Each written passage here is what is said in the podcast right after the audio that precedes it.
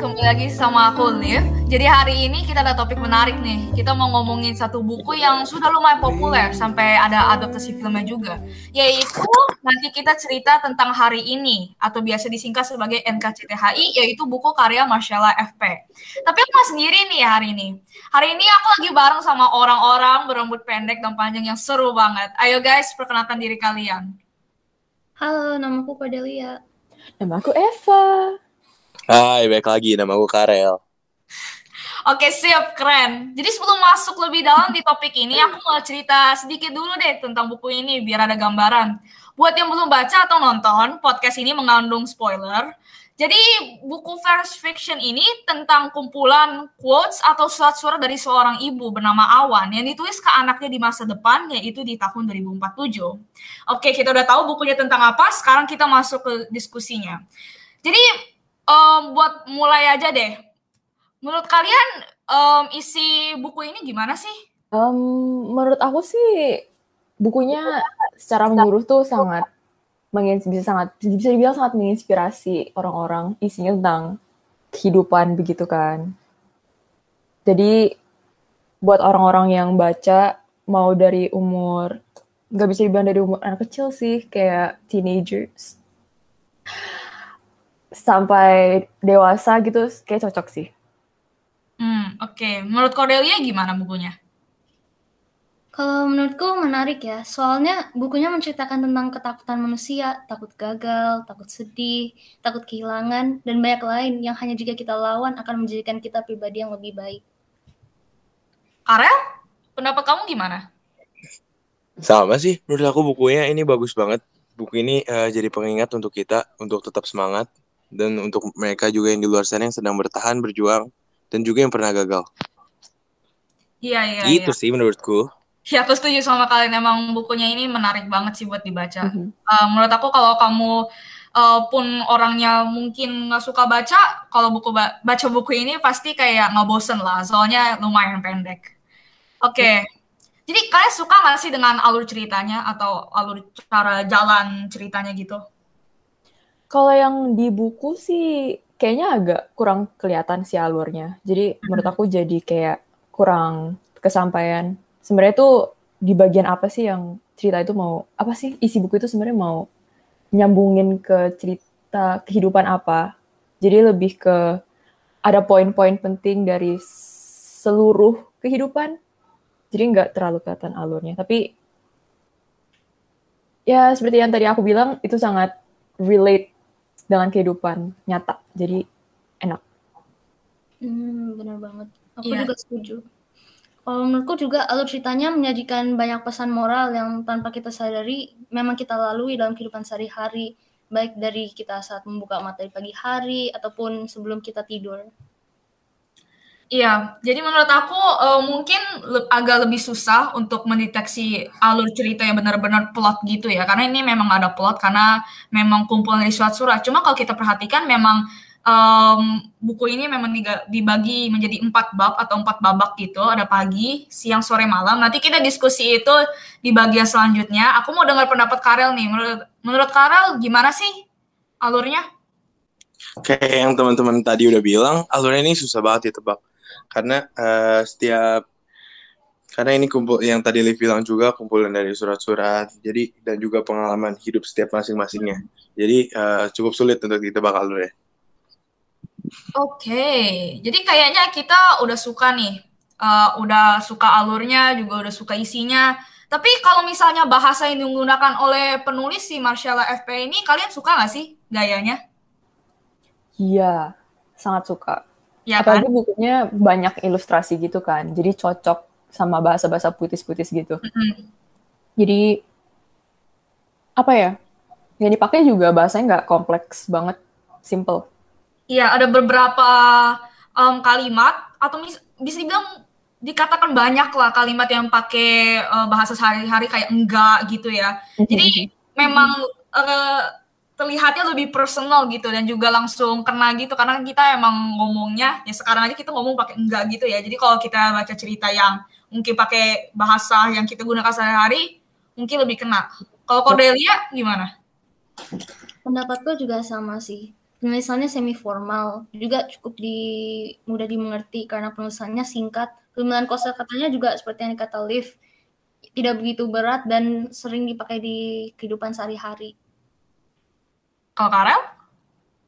Bener banget yang kalian semua bilang. Buku ini uh, bukunya enteng banget, nggak harus misalnya kita suka baca bisa baca buku ini orang yang nggak suka baca juga baca buku ini langsung bisa ngerti karena bahasa yang digunakan itu bahasa sehari-hari dan juga bukunya ceritanya pendek banget. Iya, yap, yap, yap. Oke, okay. jadi menurut kalian buku ini unik nggak sih atau like one of a kind gitu bahasa Inggrisnya? Iya.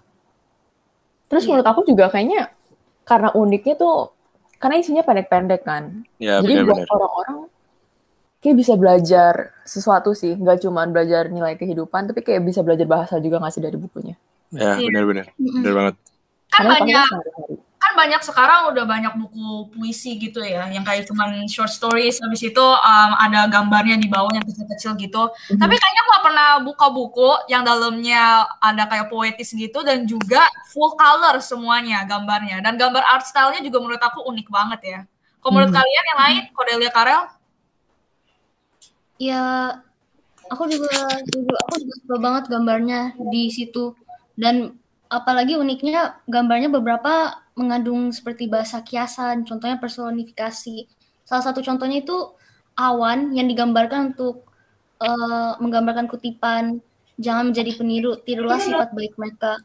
Udah gitu, cerita di setiap halamannya juga singkat dan cenderung bersifat puitis benar seperti kata Liv. Fontnya apalagi ditulis tangan. Iya, fontnya juga menurut aku unik banget ya, bukan kayak yeah. font ketik maupun diketik, tapi fontnya itu seperti tulisan tangan. Karel? Setuju banget sama semuanya. Buku ini unik banget karena apa namanya bahasa yang dipakai juga banyak bahasa kiasan dan juga mudah dimengerti. Hmm. Mm-hmm. Mm-hmm. Jadi kita udah bahas keunikan buku ini, alurnya, gayanya segala. Nah, kalau misalnya kalian baca nih atau kalian mau rekomendasi ini ke orang, menurut kalian buku ini tuh bakal memberikan dampak yang positif atau negatif sih untuk pembaca dan mengapa? Pastinya positif. Karena yang dari tadi kita bilang juga dari alurnya dia kasih beberapa dengan bahasa-bahasa yang puitis kayak memberi kesan yang lebih mendalam buat orang-orang. Jadi kayak gimana ya bilangnya ya?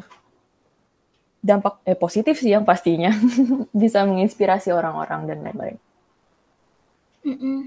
Menurutku juga positif. Soalnya kan banyaknya pesan moral misalnya kutipan yang kalau tidak salah bumi tidak berputar untuk kita saja. Ya, itu mengajarkan kita untuk ya. belajar tidak egois dalam sehari-hari. Jadi itu hal positif yang menurutku dapat dipetik sih dari buku ini. Iya dan ini bukunya juga banyak banget ya quotesnya nggak cuma buat satu apa sih satu spesifik peristiwa gitu. Jadi bisa dibilang mau peristiwa senang sedih atau misal kamu kehilangan seseorang atau sesuatu kamu pasti bisa menemukan satu quote atau kutipan yang kamu bisa relate di buku itu kan? Yes. Benar banget. Benar banget, benar banget. Oke, okay, oke. Okay. Jadi um, menurut kalian kekurangan dan kelebihan buku ini tuh apa aja sih?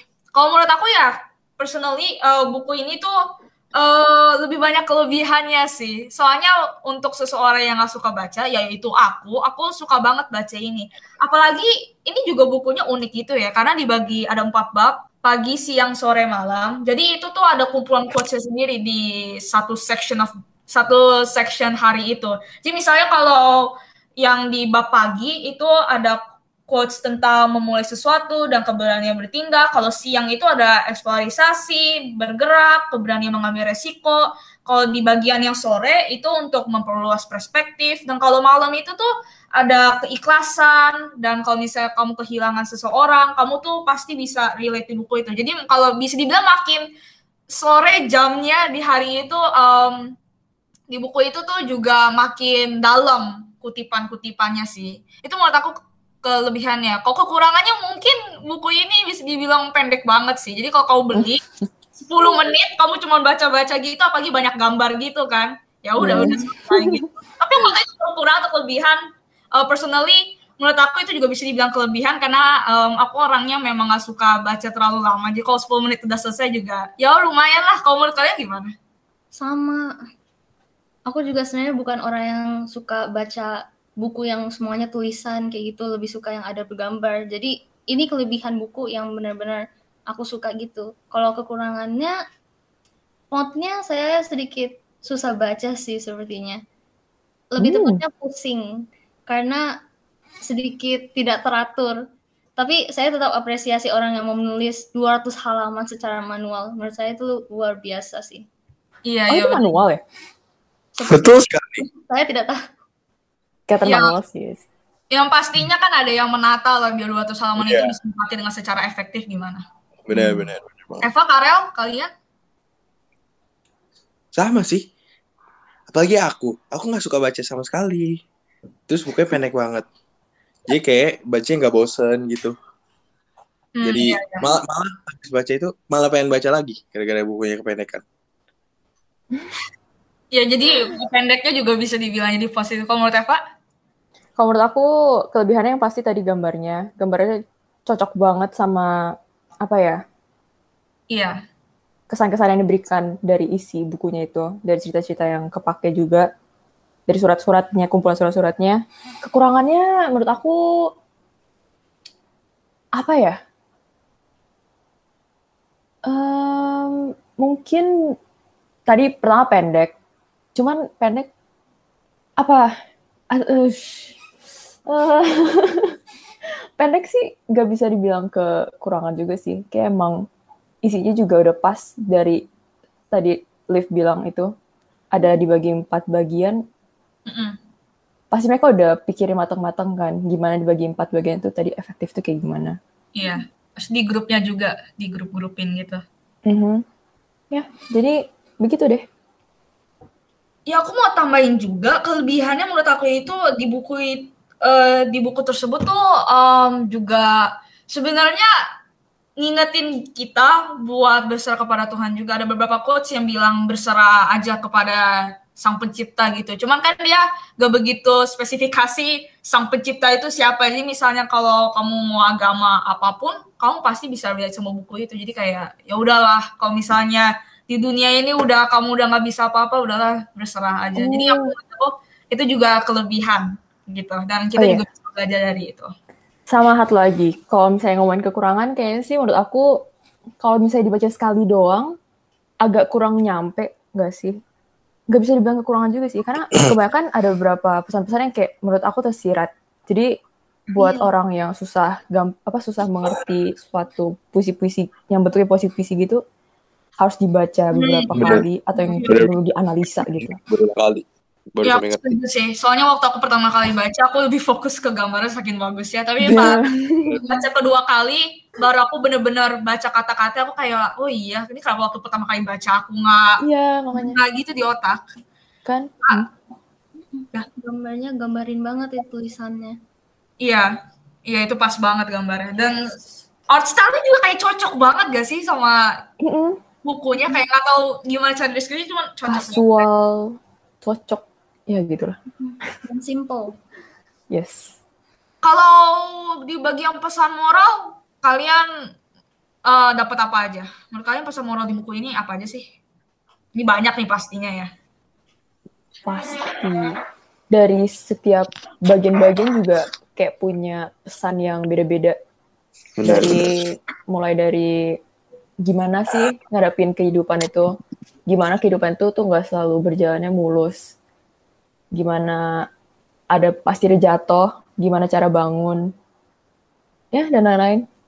Iya memang di buku ini itu bisa dibilang setiap kutipan atau setiap surat itu bisa dibilang pesan moralnya ya. Misalnya kalau kamu memang membutuhkan apa ya?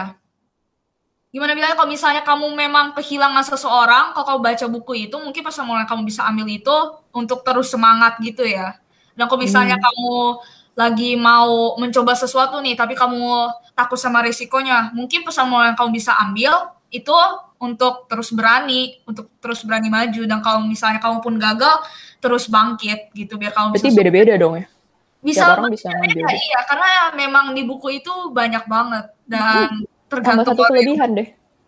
ya bisa jadi kelebihan juga ya ya Cordelia kalau menurut kalian apa kalian dapat apa sih yang kayak ngena banget gitu loh pesan moralnya Sebenarnya benar banyak banget. Jadi kalau misalnya mau semuanya dijadiin ke satu konklusi tertentu juga memang sulit. Soalnya kan hmm. seperti bagian tadi ada pagi, siang, sore, malam. Itu misalnya di pagi hari kita ada konklusi tertentu misalnya seperti apa yang kita rasakan hari keadaan itu tertentu terus saat malam hmm. apa jadi kalau mau dijadiin satu aja sepertinya sulit sih tapi memang ini membangun karakter banget pesan-pesan moralnya. Benar-benar kalau menurut Karel gimana?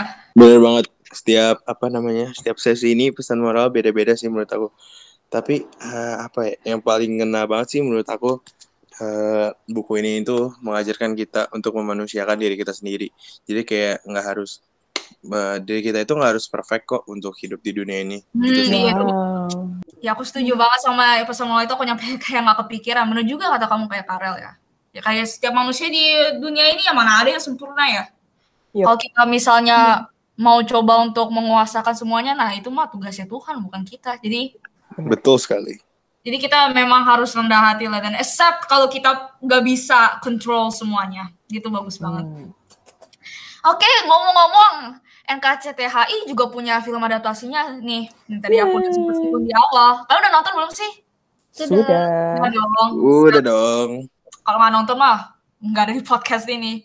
Mungkin Betul, kalau orang-orang dengar NKCTHI, filmnya yang pertama muncul di pikiran dulu baru bukunya. Karena memang filmnya populer banget sih bisa dibilang. Hmm.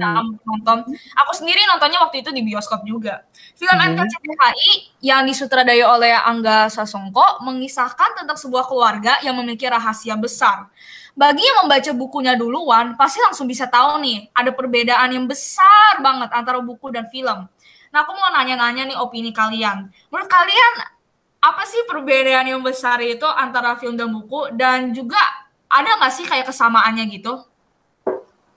Wow, wow, wow. Tadi itu spoiler untuk episode berikutnya, teman-teman. Jika kalian suka episode ini tentang buku NKCTHI, pastinya kalian juga akan suka dengan episode berikutnya, di mana kita akan berbicara banyak tentang film NKCTHI yang pasti tidak akan kalah serunya. Jadi terima kasih banyak untuk mendengarkan podcast ini. Sampai jumpa di episode berikutnya. Bye-bye.